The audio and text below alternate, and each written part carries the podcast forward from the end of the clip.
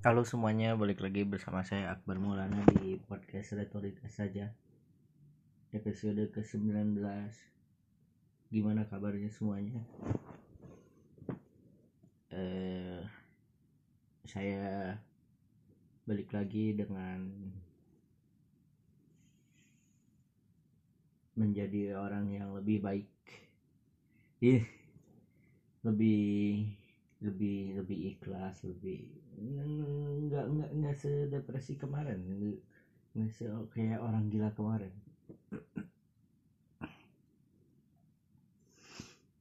Gua nggak tahu mau bahas apa hari ini. Gua nggak gua nggak se sebaik kemarin nyiapin bahan materinya ya hal yang terjadi seminggu terakhir ya biasa aja sih nggak ada yang seru. Nggak ada yang seru gitu kayak apa? Nggak ada yang menarik ya. Gue tuh gue gue tuh sebetulnya bingung ya kenapa? Gue tuh bingungnya kenapa ada orang yang kalau misalnya kita gue tuh bingung gue tuh iri sebetulnya dan gue tuh bingung kenapa gue harus iri sama orang lain gitu. Maksud, ya, maksudnya kayak menjadi baik gitu. Gue tuh iri sama orang yang menjadi baik gitu. Oh bagaimana menjadi orang yang baik gitu. Ngerti gak sih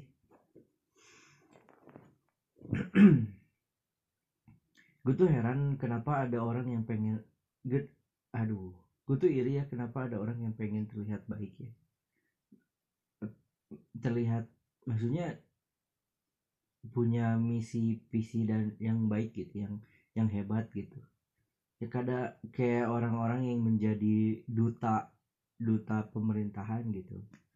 Atau kayak orang-orang yang berusaha untuk menunjukkan kebanggaannya terhadap sesuatu gitu hal-hal yang kayak gitu tuh emang enak ya gitu. Kayak gue tuh nggak bisa gitu seenak itu untuk nyaman bang bisa membanggakan malah bisa ngebanggain orang lain gitu sih nggak bisa. Maksudnya gue tuh nggak bisa untuk tidak bukannya untuk menjadi duta itu tidak jadi independen ya kayak kayak rob kayak ada yang ngatur gitu nggak nggak nggak nggak merdeka gitu ngerti nggak sih?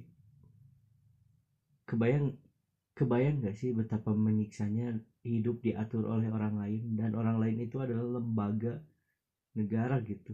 Lu harus dicap lu harus tampil baik uh, di hadapan orang lain yang sebetulnya lu tuh nggak nggak nggak kayak gitu gitu.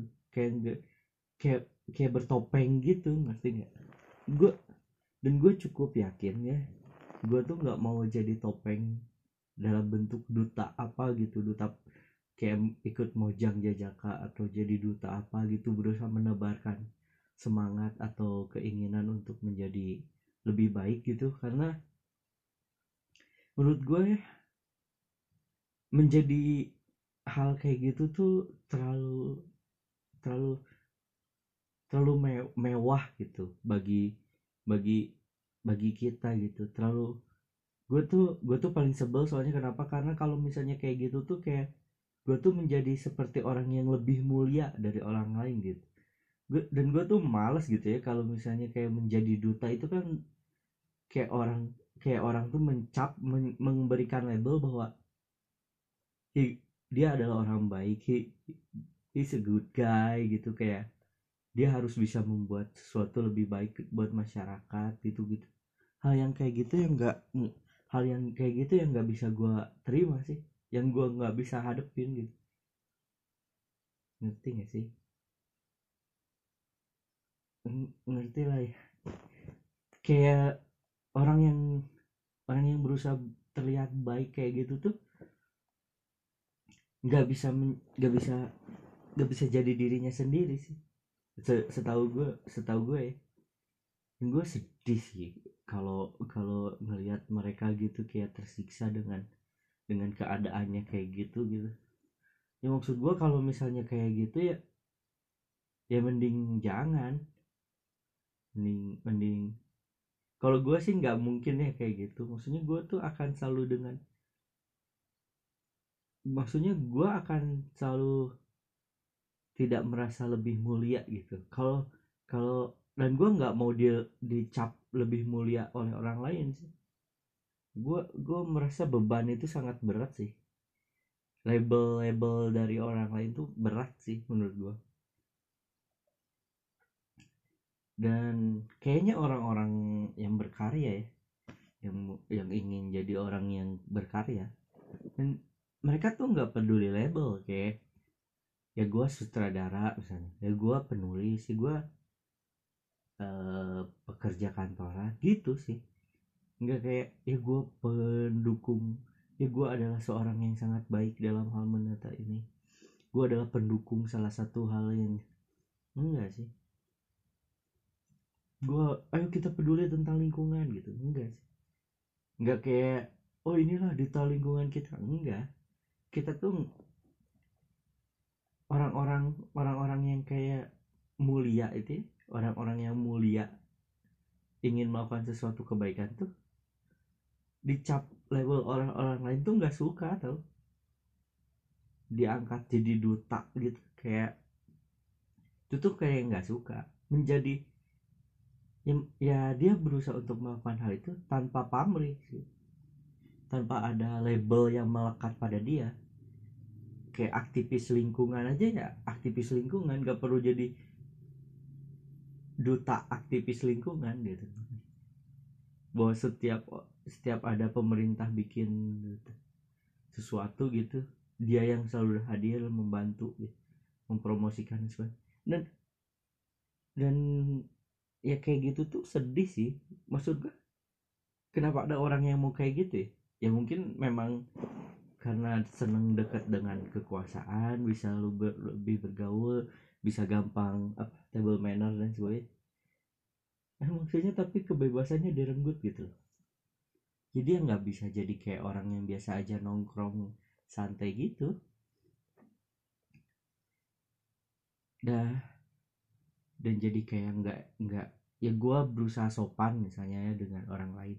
Dengan sesu dengan seorang yang lebih tua gitu.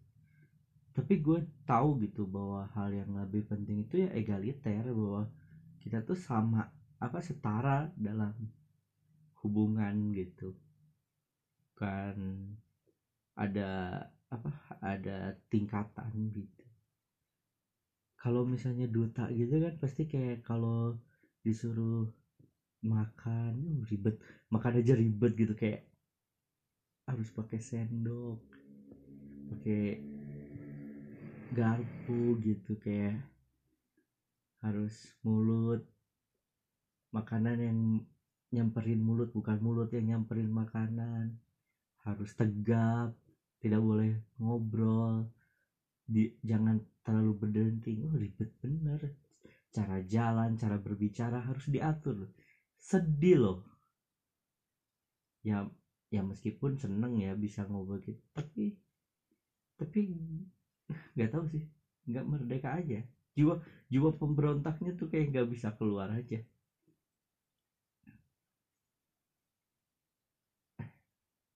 Ya enggak sih? Kenapa kenapa ada orang-orang yang pengen kayak gitu?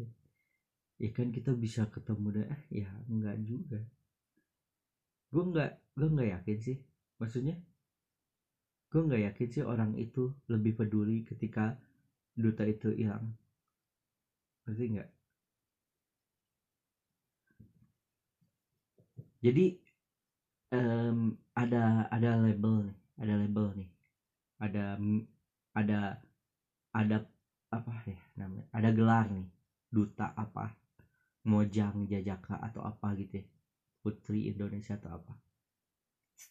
Dalam satu orang. Sebelum sebelumnya dia tuh dia tuh pasti ingin melakukan kebaikan dong gak mungkin kan dia nggak melakukan kebaikan? Atau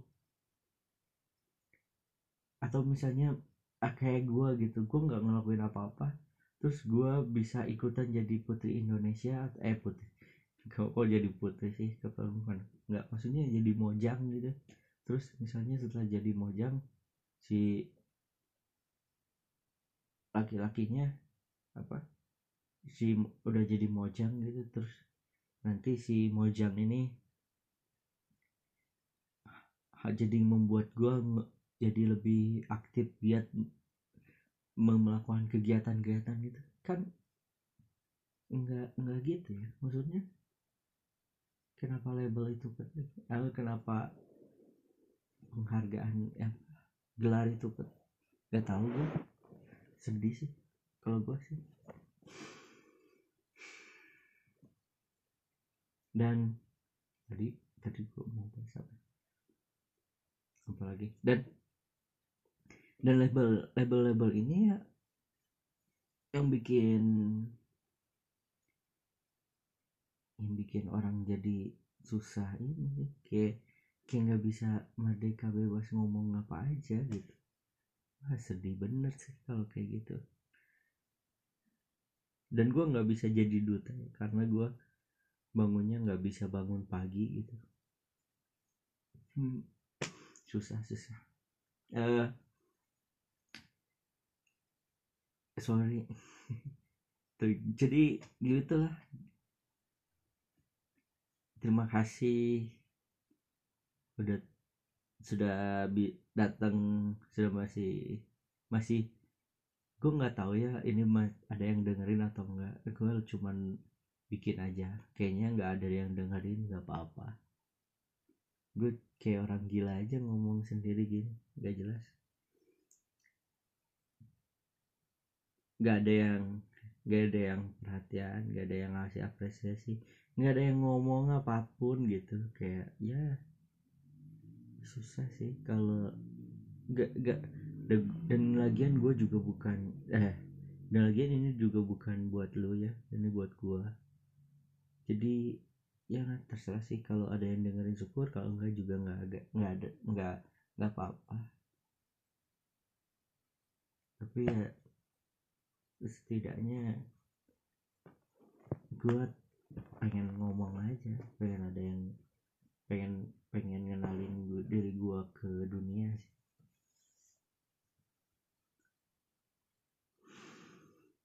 Ya begitulah eh kalau dan kemarin sempat ada kabar soal depresi ya eh, siapa?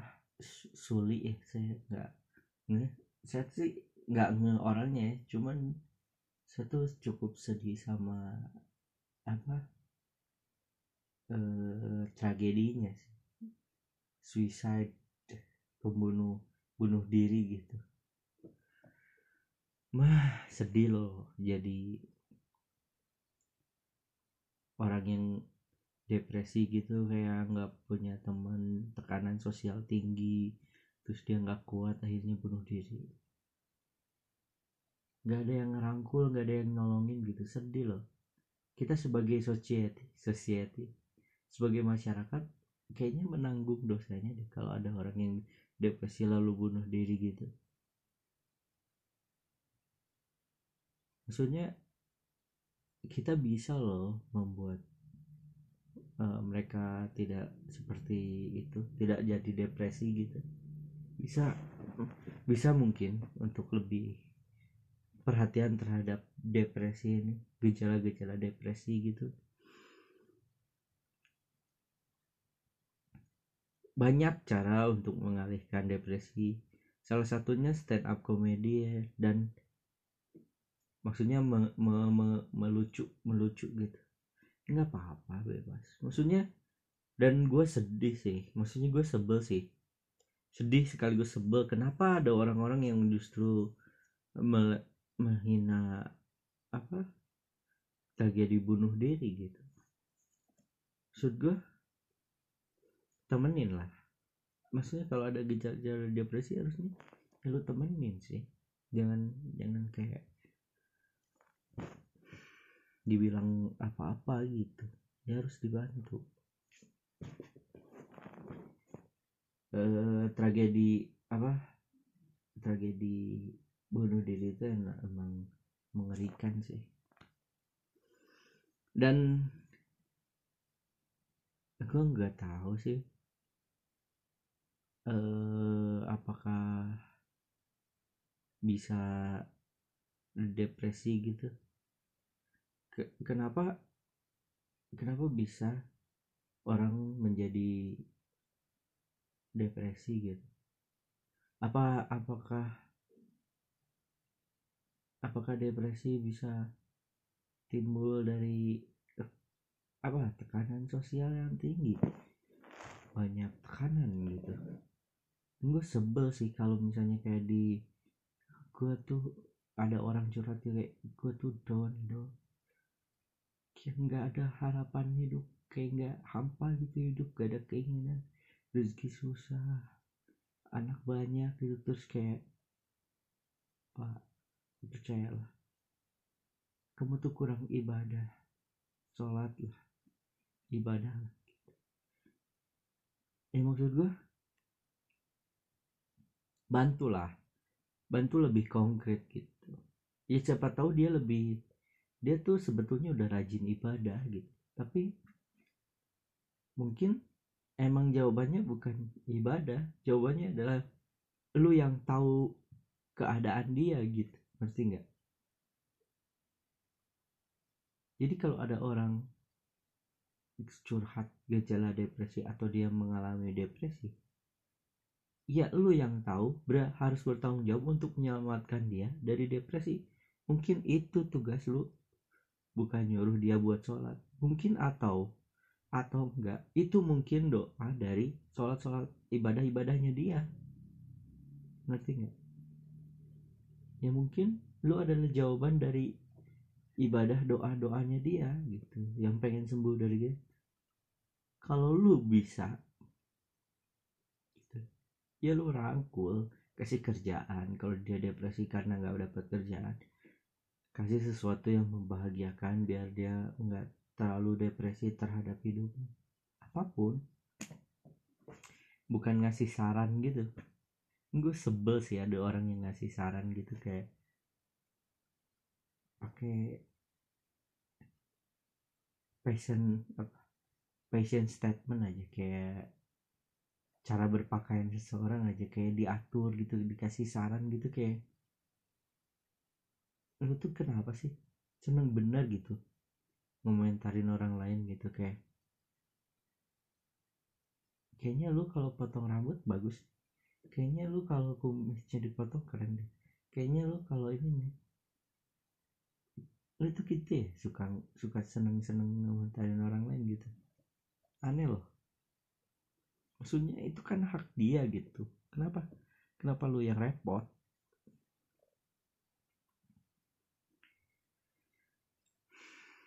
lu, emang lu tuh kenapa? Ya nggak tahu sih.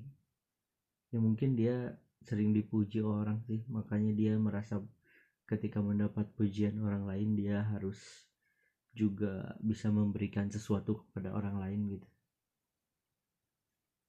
Nggak tahu sih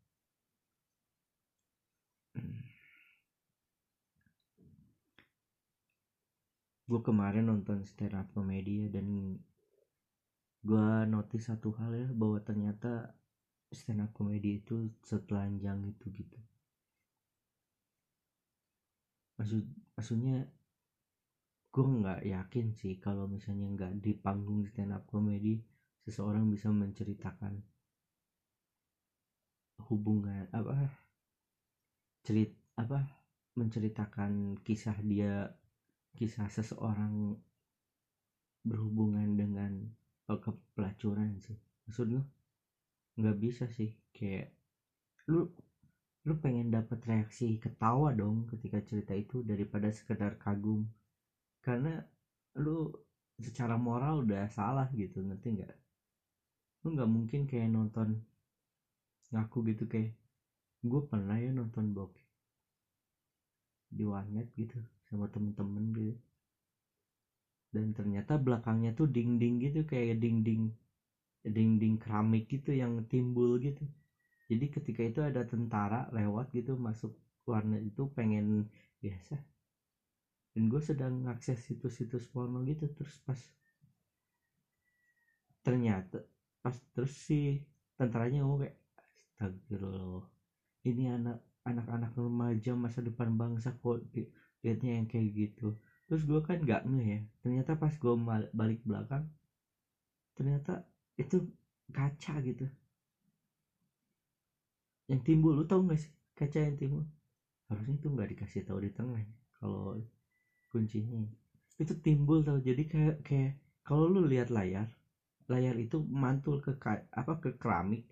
Nah si dari keramik itu bisa kelihatan oh dia lagi ngakses apa-apa. Dan gue ya kayak gitu maksudnya.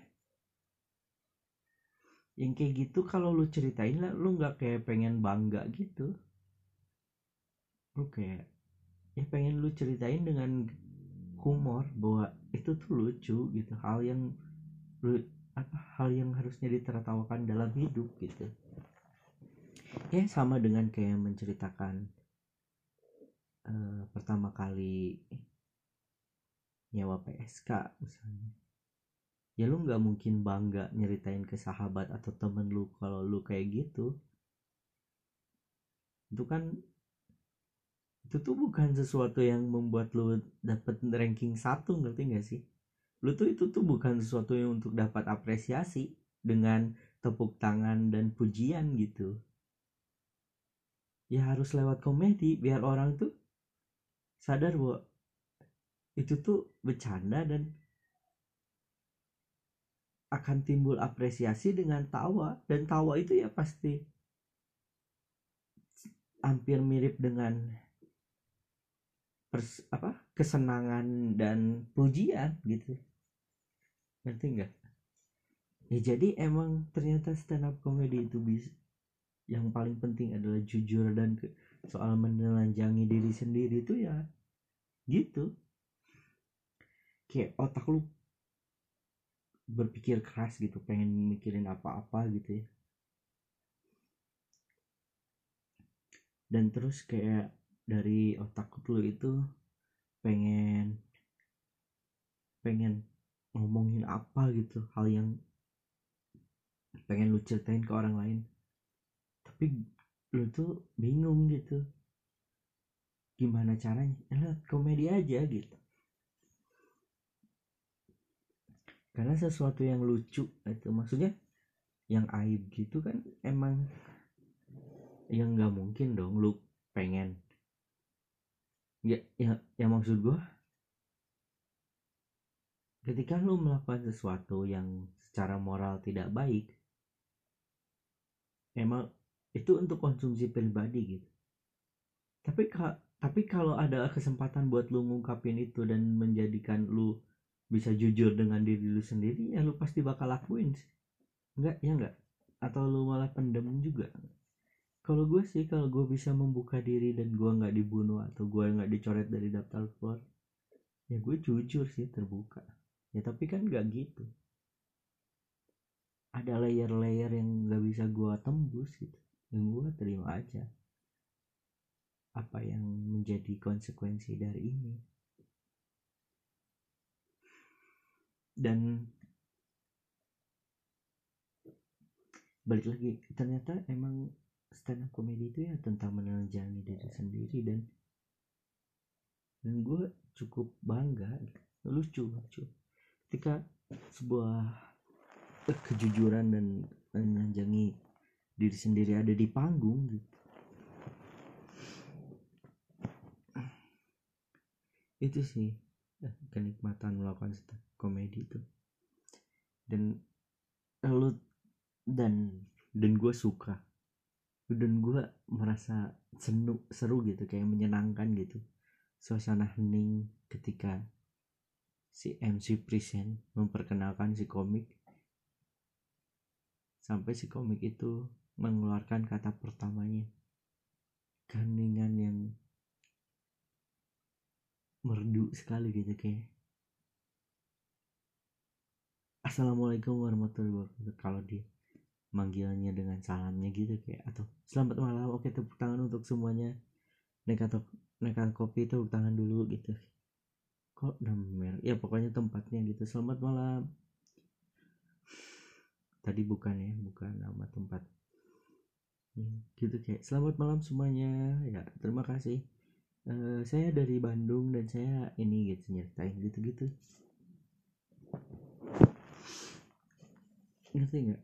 Ya ya ya gitu drama gue gue sih. Bisa notice. Dan kemarin pecah pecah. Pecah benar benar pecah. Gue nggak tahu mau bahas apa lagi. Dan eh gue tuh uh, bingung. Ini kalau kalau kalau nggak tahu mau bahas apa ya gini ngantur uh, yang ya gue tuh nggak bisa ya. Kalau di siaran kayak gini ada hening gitu kayak mikir gitu tapi hening gitu. Pasti harus ada kata e atau mm, atau hmm biar nggak terlihat hening aja di siarannya. Ya padahal nggak apa-apa ya hening juga cuman kayak sed, apa kayak kayak kayak kayak kayak, bingung aja gitu. Pasti kalian tuh kayak ini apa lagi kayak diem gitu. Atau dead dead air istilahnya kayak dead air tuh uh, kalau secara harfiah sih udah mati tapi keheningan yang ganggu gitu di antara dua di antara omongan atau siaran radio dan sebagainya. Di antara suara penyiar gitu. Ada dead air. Eh saya saya tuh mau bahas apa ya kemarin tuh? Oh ya uh, eh, gue baru inget. Uh, salah satu hal yang dalam hidup gue gue tuh kemarin kan nonton stand up ya, dan gue di motor gitu ya kayak, terus gue berpikir kayak salah satu hal yang ingin gue ubah dan mungkin akan mengubah hidup gue selamanya saat ini dan gue punya jalan lain yang berbeda. Kayaknya ketika gue masuk SMA ketika gue memilih SMA pertama alasan pertama gue masuk SMK sekolah SMA karena gebetan gue masuk situ. Terus gue kayak masuk situ dan akhirnya setelah gue masuk situ gebetan gue nggak gue dapat juga gitu. Sedih. Enggak kalau misalnya gue diubah ya gue gue gue ubah salah satu hal yang mungkin mengubah hidup gue kalau ada satu hal yang bisa diubah adalah ketika memilih sekolah SMA ketika mau sekolah SMA kenapa? Karena kalau gue pikir ya kalau kata SMK gue kebetulan sekolah di salah satu SMK di Bandung gitu ya. Dan kalau gue pindah nggak di Bandung gitu gue tinggal di pinggiran kota Bandung ya di daerah Batu Jajar dan kalau misalnya Kabupaten Bandung Barat jadi beda gitu. Kalau sekolah SM, SMK gue kan kota Bandung ya jadi dan gue kabupaten Bandung Barat jadi pinggir banget. Nah Kabupaten Bandung Barat sama kota Bandung itu dipisahkan oleh kota Cimahi. Jadi gue harus ngelewatin satu kota untuk sekolah gue gitu. Nah kalau sekolah itu gue ubah misalnya jadi jadi sekolah dekat gue rumah gue jadi sekolah dekat rumah gue hidup gue nggak hidup gue bakal berubah sih.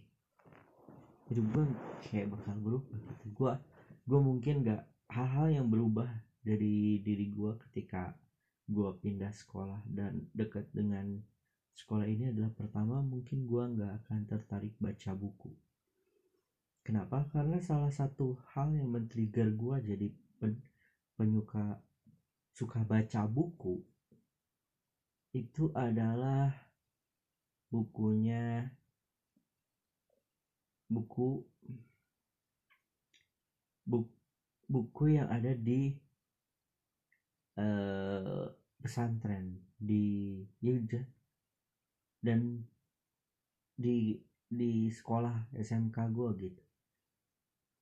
Karena gue SMK salah satu hal lagi yang mungkin berubah adalah gue nggak akan pesantren dan ketika gue nggak akan pesan dan ketika gue nggak pesantren gue akan memiliki perspektif yang berbeda tentang agama Islam gitu. Kenapa? Karena mungkin gue nggak akan setaat dulu gitu. Satu hal yang mungkin berubah gitu itu sih kayak gue nggak mungkin pesantren gitu. Terus gue nggak mungkin suka baca buku karena gue nggak menemukan buku buku yang membuat gue tertarik menjadi sering baca buku adalah buku waktu ah, ah gue masih pesantren di sana gitu. Dan gue mungkin gak gak akan merasa kesepian atau ditinggal teman-teman gue waktu SD di sini gitu karena gue jadi lebih sering ketemu sama mereka. Ketika gue tinggal di Bandung gue nggak bisa bergaul lagi dengan teman-teman gue di daerah gue gitu di Batu Jajar di Kabupaten Bandung Barat karena jauh kan.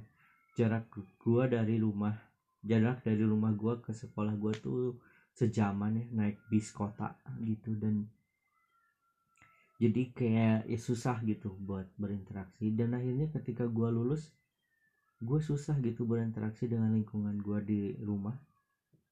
Dan teman-teman gue kebanyakan ada di kota Cimahi atau kota Bandung gitu.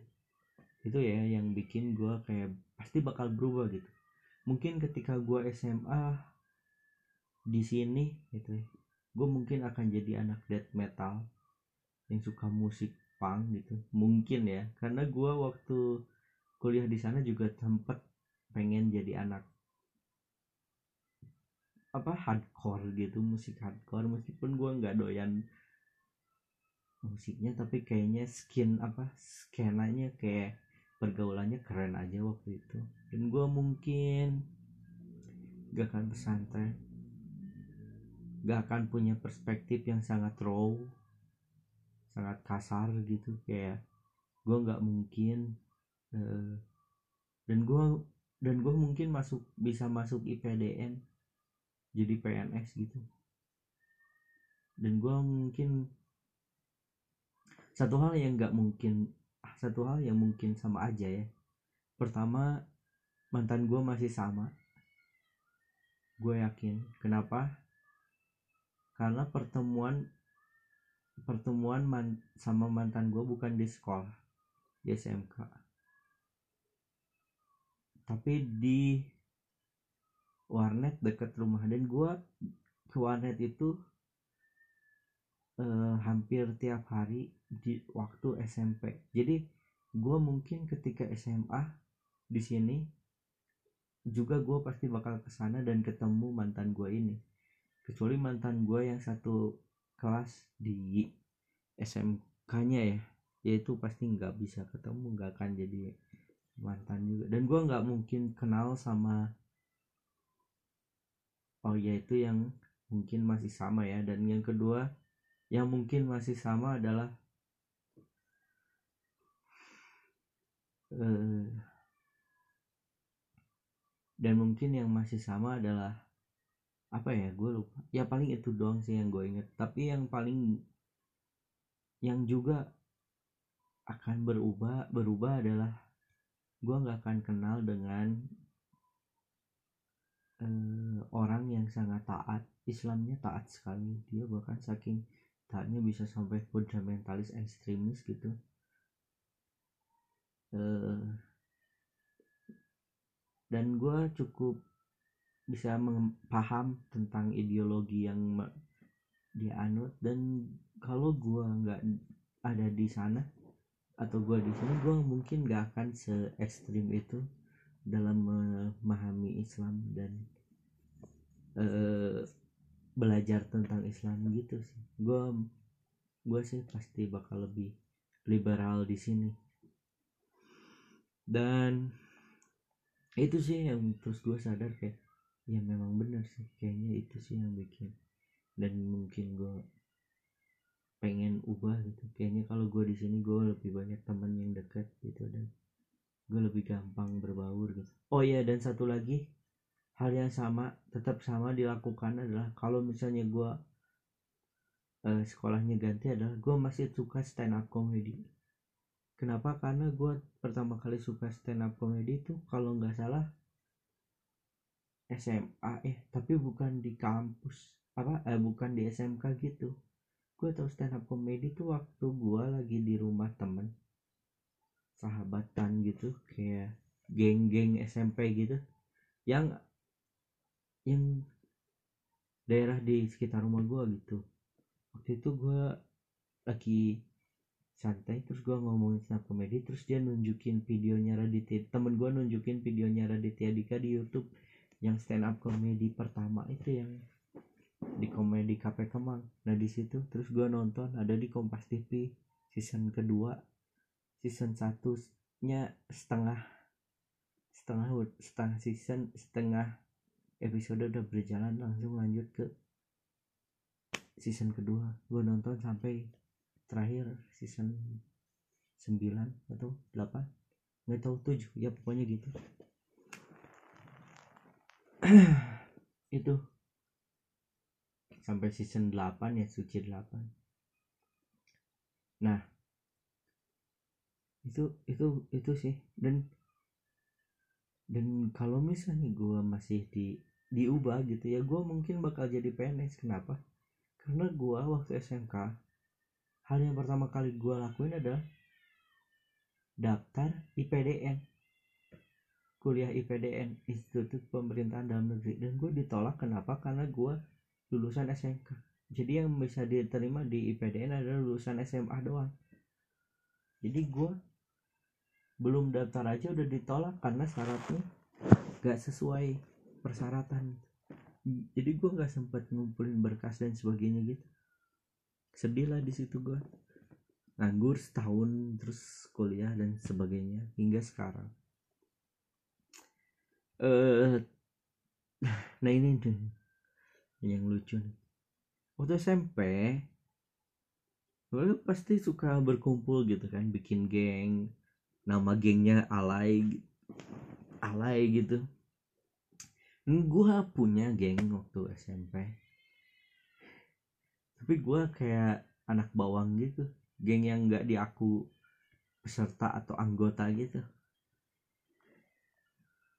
Nggak tahu gue tuh susah bergaul mungkin ya kayaknya waktu SMP jadi kayak nggak nyambung aja obrolannya. Antara gue tuh kadang ngobrol nggak nyambung atau kadang omongan gue yang nggak ditangkap sama mereka gitu. Dan gue tuh cukup sedih ya kalau dan gue tuh sadar ya bahwa gue tuh keras kepala gitu. Da, yang sangat tidak baik untuk kelangsungan geng itu. Jadi gue pernah ya uh, naik ang apa nonton film gitu. Sebetulnya gue sih nggak masalah gitu nonton apa pun filmnya gitu. Tapi gue lagi pengen nonton satu film. Terus temen gue kayak pengen nonton film lain gitu. Gue lebih milih kayak ya udah gue nggak apa apa sih gue pengen nonton sendiri aja ini ntar gue ketemu baliknya. Tapi mereka kayak enggak deh nggak usah. Ya udah nggak apa-apa aku ikut nonton film kamu aja. Terus gue tuh kayak merasa dan gue sadar sekarang sih kok gue merasa nggak enak ya padahal gue ngalah aja gue nggak penting juga kayak di mata mereka gitu. Itu ya terus kayak pulangnya pulangnya kan waktu itu naik angkot terlalu banget tuh naik angkot.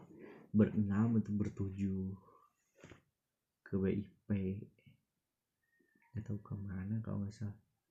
Gue udah tahu nih gue kan orang Bandung ya waktu itu.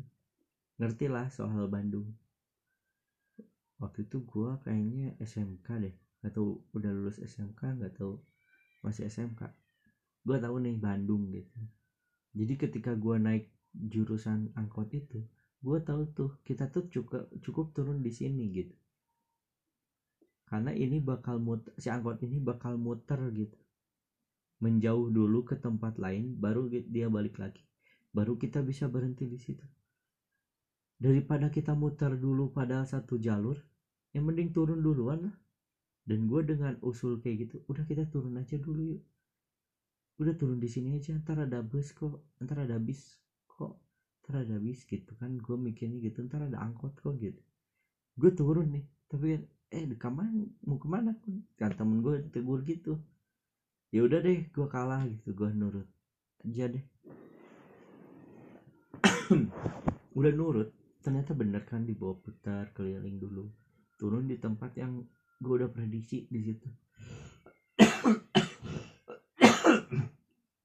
Sorry batuk. Nah udah gitu. Udah gitu eh dia tuh udah nemuin jalan. Udah nemuin jalan. Udah turun nih turun ternyata disuruh bayar ma lebih mahal dari yang seharusnya dibayar. Biasanya sama tukang angkot itu kan sial ya udah gue tuh kayak turun tuh sambil ngedumel gitu kayak kan gue udah bilang tadi turun aja di sana di sana tapi gitu kayak ya ya gitu doang gitu ya udah nggak apa-apa ya ada kok duit. Gitu loh udah kita tuh waktu itu masih kere ya gak tau sekarang mereka udah pada kaya gue aja yang kere gitu. Dan gue sedih ya. Gue tuh sedihnya kenapa? Karena ternyata gue tuh paling tua loh di SMP bukan dalam bentuk umur sih tapi dalam bentuk wajah. Wajah gue tuh wajah tua. Salah satu indikasi kenapa gue bisa dibilang tua wajah tua kalau kalau teater atau pertunjukan seni atau apa pun lah itu yang berkaitan dengan acting tugas sekolah yang berkaitan dengan acting gue selalu berperan sebagai bapak-bapak. Entah kenapa. Ya ya ya bukan entah kenapa ya. Ya emang karena muka gue tua. Dan gue sadar sih.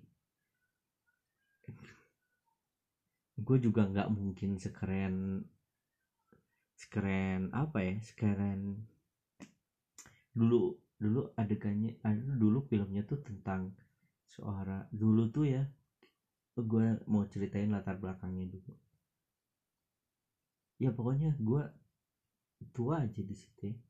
tapi gini ceritanya latar belakangnya adalah jadi di SMP gua itu ada tugas akhirnya tuh bahasa Indonesia adalah bikin pertunjukan kabaret atau teater lah semacam gitu.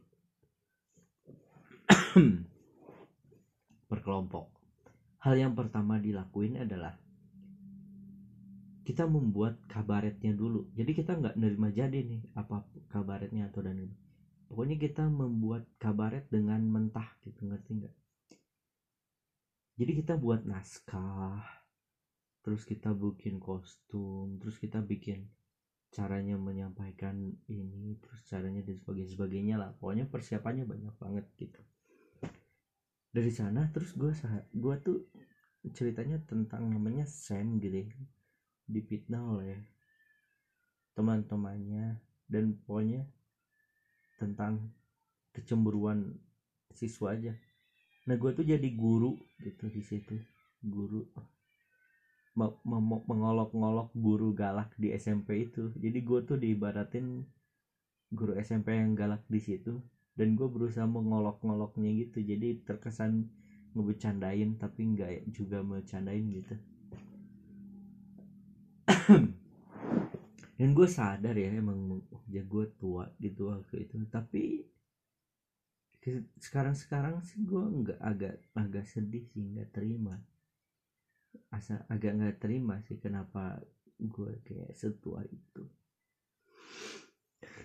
Ya ya ya nggak apa-apa sih. Maksudnya ya, ya emang udah nasibnya kayak gitu. Eh uh, dan gue cukup cukup mengerti ya kenapa kenapa gue mau dapat peran bapak-bapak dan ayam mendapat peran bapak. Karena gue sadar bahwa gue tuh ternyata bukan orang yang pengen menonjol gitu. Dan gue pernah misalnya waktu itu kabaret SD kalau nggak salah. Gue tuh punya baju tentara lah semacam baju militer. Di peran gue tuh peran pembantu ya yang nggak dapet dialog cuman dapet apa cuman dapet tampil se satu satu adegan doang. Gue tuh jadi anak buah seorang komandan. Komandan ini namanya Pajar dia tinggi lebih tua. Kayaknya dia paling tinggi deh di kelas kayaknya dia tuh agak nakal ya. Ah gua gua nggak yakin sih dia dengerin ini jadi nggak apa-apa. Aman. Tinggi nakal gitu. Nah gua gua tuh sebetulnya bisa aja sih pakai baju militer itu. Dan gue menjadi beda sendiri sebagai prajurit tapi gue sadar bahwa kalau kayak gitu nanti kurang cantik gitu. Di lu mas nanti orang kayak komentar kok anak buahnya lebih keren sih daripada bosnya gitu. Ya ini gue kasih lah baju militer militer gitu ke dia. Jadi gue pakai kaos yang kalau kaosnya itu yang kaosnya tuh kegedean gitu ya. Saking gedenya si apa si lingkar lehernya tuh sampai ke bahu-bahu gitu. Akhirnya kelihatan kelihatan gitu apa tali tali kutangan tali kaos sang sang aku gitu tali kaos aku gitu kaos dalaman aku gitu kaos kaos dalaman gua gitu. Dan gua cukup aware ya dengan hal itu. Jadi setiap gua lagi acting tuh gua merhatiin itu loh gua ngebenerin itu. Dan setelah itu penampilannya keren lah maksud gue ya untuk anak seukuran SD kayak gitu karennya cuman yang sedihnya adalah ada dua hal yang pas gue turun dapat komentar dari penonton. Pertama kenapa sih itu kan baju dari orang tua gue kayak ngomong itu kan buat kamu pakai kenapa sih dikasihin ke orang itu? Gitu. Terus gue jelasin kan ke alasannya dan ada satu orang ini kampret namanya Adi dan gue nggak yakin dia nggak ada nggak akan dengerin siaran ini jadi gue bebas aja. Dia ngomong kayak iya tadi kamu benerin ini ya. Tali ta, apa bajunya ya keluar keluar sampai kelihatan ininya kaos dalamannya. Terus gue kayak kok sedih loh ini yang dinotis tuh itunya loh. Ya udahlah nggak apa-apa. Emang emang emang emang mungkin seneng gitu ngelihat orang lain jelek tuh. Kayak aneh bener adi adi itu sih geng di SMP ya. Dan geng di SMP gue tuh ya inget gue gue lupa lagi sih nama gengnya. Tapi kalau nggak salah yang agak-agak jorok gitu ya. Kalau cowoknya tuh cabul dicabul gitu kalau nggak salah. Ceweknya gue nggak tahu terus lupa lagi. Dan lu tahu mereka setelah lulus masih bisa bersahabat loh. Bahkan menjadi bridesmaid gitu pendamping si pendamping pria dan wanita untuk pernikahan mereka mereka gitu. Dan gue nggak diajak. Ya gitu sih kalau misalnya orang yang suka iri dan strata ekonomi rendah ya gini. Cuman bisa nyinyir di belakang hanya karena pengen ngedeketin mereka gue nggak sanggup ngimbangin gitu. Gue nggak gue pengen tahu deh gimana sih caranya biar punya tampang yang nggak berdosa buat jadi orang yang yang yang kalau dikasih tuh seneng gitu santai aja gitu ngerti gak? kata kata orang lu kalau misalnya punya temen lu kalau pe lu kalau misalnya temenan ya cari ya kalau lu punya temen lah cari yang kaya. Kalau ada orang kaya ya lu temenin gitu. Karena ya siapa tahu lu malah dapat kesenangan. Bukannya lu nyinyirin kan gitu ya kalau mau secara dugo batuk sorry sorry. Kalau secara secara ini ya secara pemikiran. Tapi maksud gue gimana gue bisa ngedeketin temen? Kalau lambat laun dia sadar bahwa gue tuh cuman manfaatin gitu. Nggak tahu. Mungkin karena efek apa negatif thinking gue aja ya. Mungkin bisa gitu kayak muji-muji dia atau jadi kacung dia gitu. Kayaknya gue salah sih. Gue harusnya nyadarin bahwa gue kayak gini dan gue harusnya berteman gitu sama mereka. Tapi gue nggak tahu sih apa yang bisa gue bantu dari orang yang udah kaya gitu. Temen yang untuk jadi bahan bulian ego gue tinggi. Jadi kacung. Ya boleh sih jadi kacung gitu tapi jadi kacung jadi kacung doang tapi nggak dapat duit ya buat apa gitu. Ya emang mungkin temenan sama orang kaya tuh cuman bisa dapet kesenangan dalam bentuk jalan-jalan dan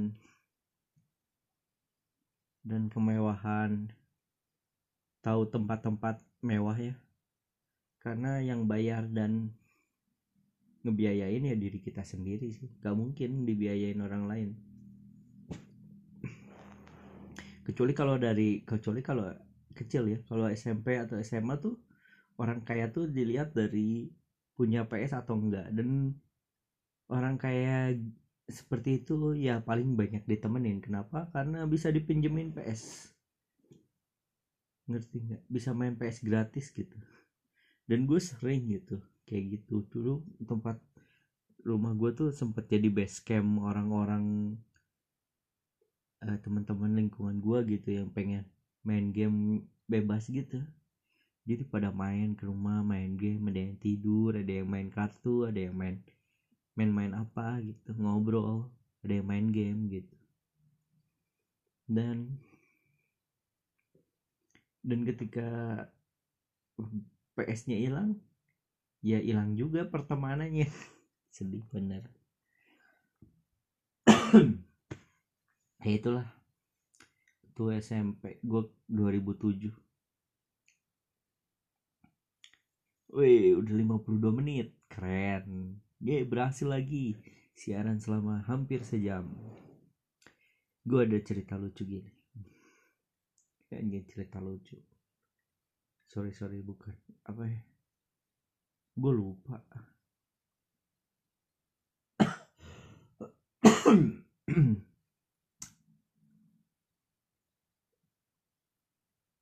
Gue tuh sadar ya bahwa ternyata gue tuh tua ketika sering banget dapat jebakan umur gitu kayak gue tahu dan gue ngerti gitu bahwa anak SMP sekarang tuh nggak ngerti gitu tahun 90-an tuh ada penyanyi cilik namanya Joshua Suherman gitu kayak dan padahal mereka tuh teman gue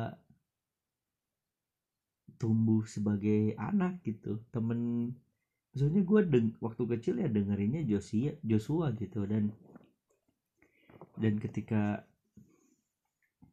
gua nyanyi apa waktu waktu waktu waktu itu tuh kayak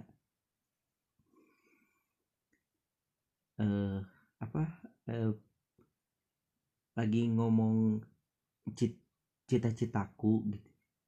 Terus dia nyanyi kayak cit apa ya? Gue lupa sih. Ini bukti bahwa gue nggak keep up terhadap sekarang. Lagu yang ada cita-citakunya aja. Kata cita-citaku ya itu tuh gue nggak nge gitu. Tapi mereka ngerti. Terus gue kan nah kalau kaliannya itu ya cita-citakunya. Nah, kalau kalau aku tuh gini ya cita-citaku uh, aku ingin jadi profesor terus mereka tuh kayak apa itu? Lagu dari mana? Apa itu? Nggak ngerti nggak ngerti. Pada nggak ngerti gitu bahwa itu tuh gue jelasin bahwa itu tuh lagu cilik lagu an lagu lagu cilik waktu waktu saya cumuran kalian gitu. Ya dan ternyata emang jebakan umur ya. Emang referensinya beda gitu ini ya salah satu hal lagi ya. Gua mungkin gak gue mungkin bukan orang pertama yang tahu ada apa namanya ya yang viral tuh namanya. Aplikasi viral tuh. Apa ya yang sering dipakai? Apa sih? Ah, ya pokoknya adalah yang yang DJ yang DJ gagak gitu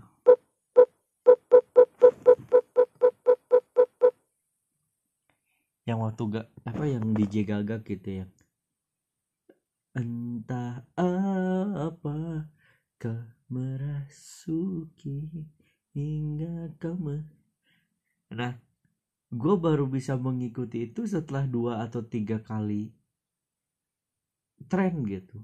Gue I love you 3000 aja setelah orang-orang pada ngedengerin dan mereka udah dengerin hal yang baru terus gue masih I love you 3000 ya gitu maksudnya gue cukup cukup cukup cukup susah sih tapi gue pengen sih dengerin musik seneng gitu dengerin musik eh, yang berusaha keep up dengan musik sekarang dan berusaha tidak meluk dan gue cukup senang nostalgia ya dengan musik masa lalu. Kayak misalnya musik musik tahun 2007 musik musik tahun 2000 dan gue seneng gitu. Ya pokoknya itulah ya untuk sekarang terima kasih. Eh, thank you semuanya. Eh, semoga ini menjadi lebih baik siarannya dan kayaknya enggak karena banyak batuk dan ya gue nggak tahu lah. Ya udah dah retorika saja. Semuanya hanya retorika saja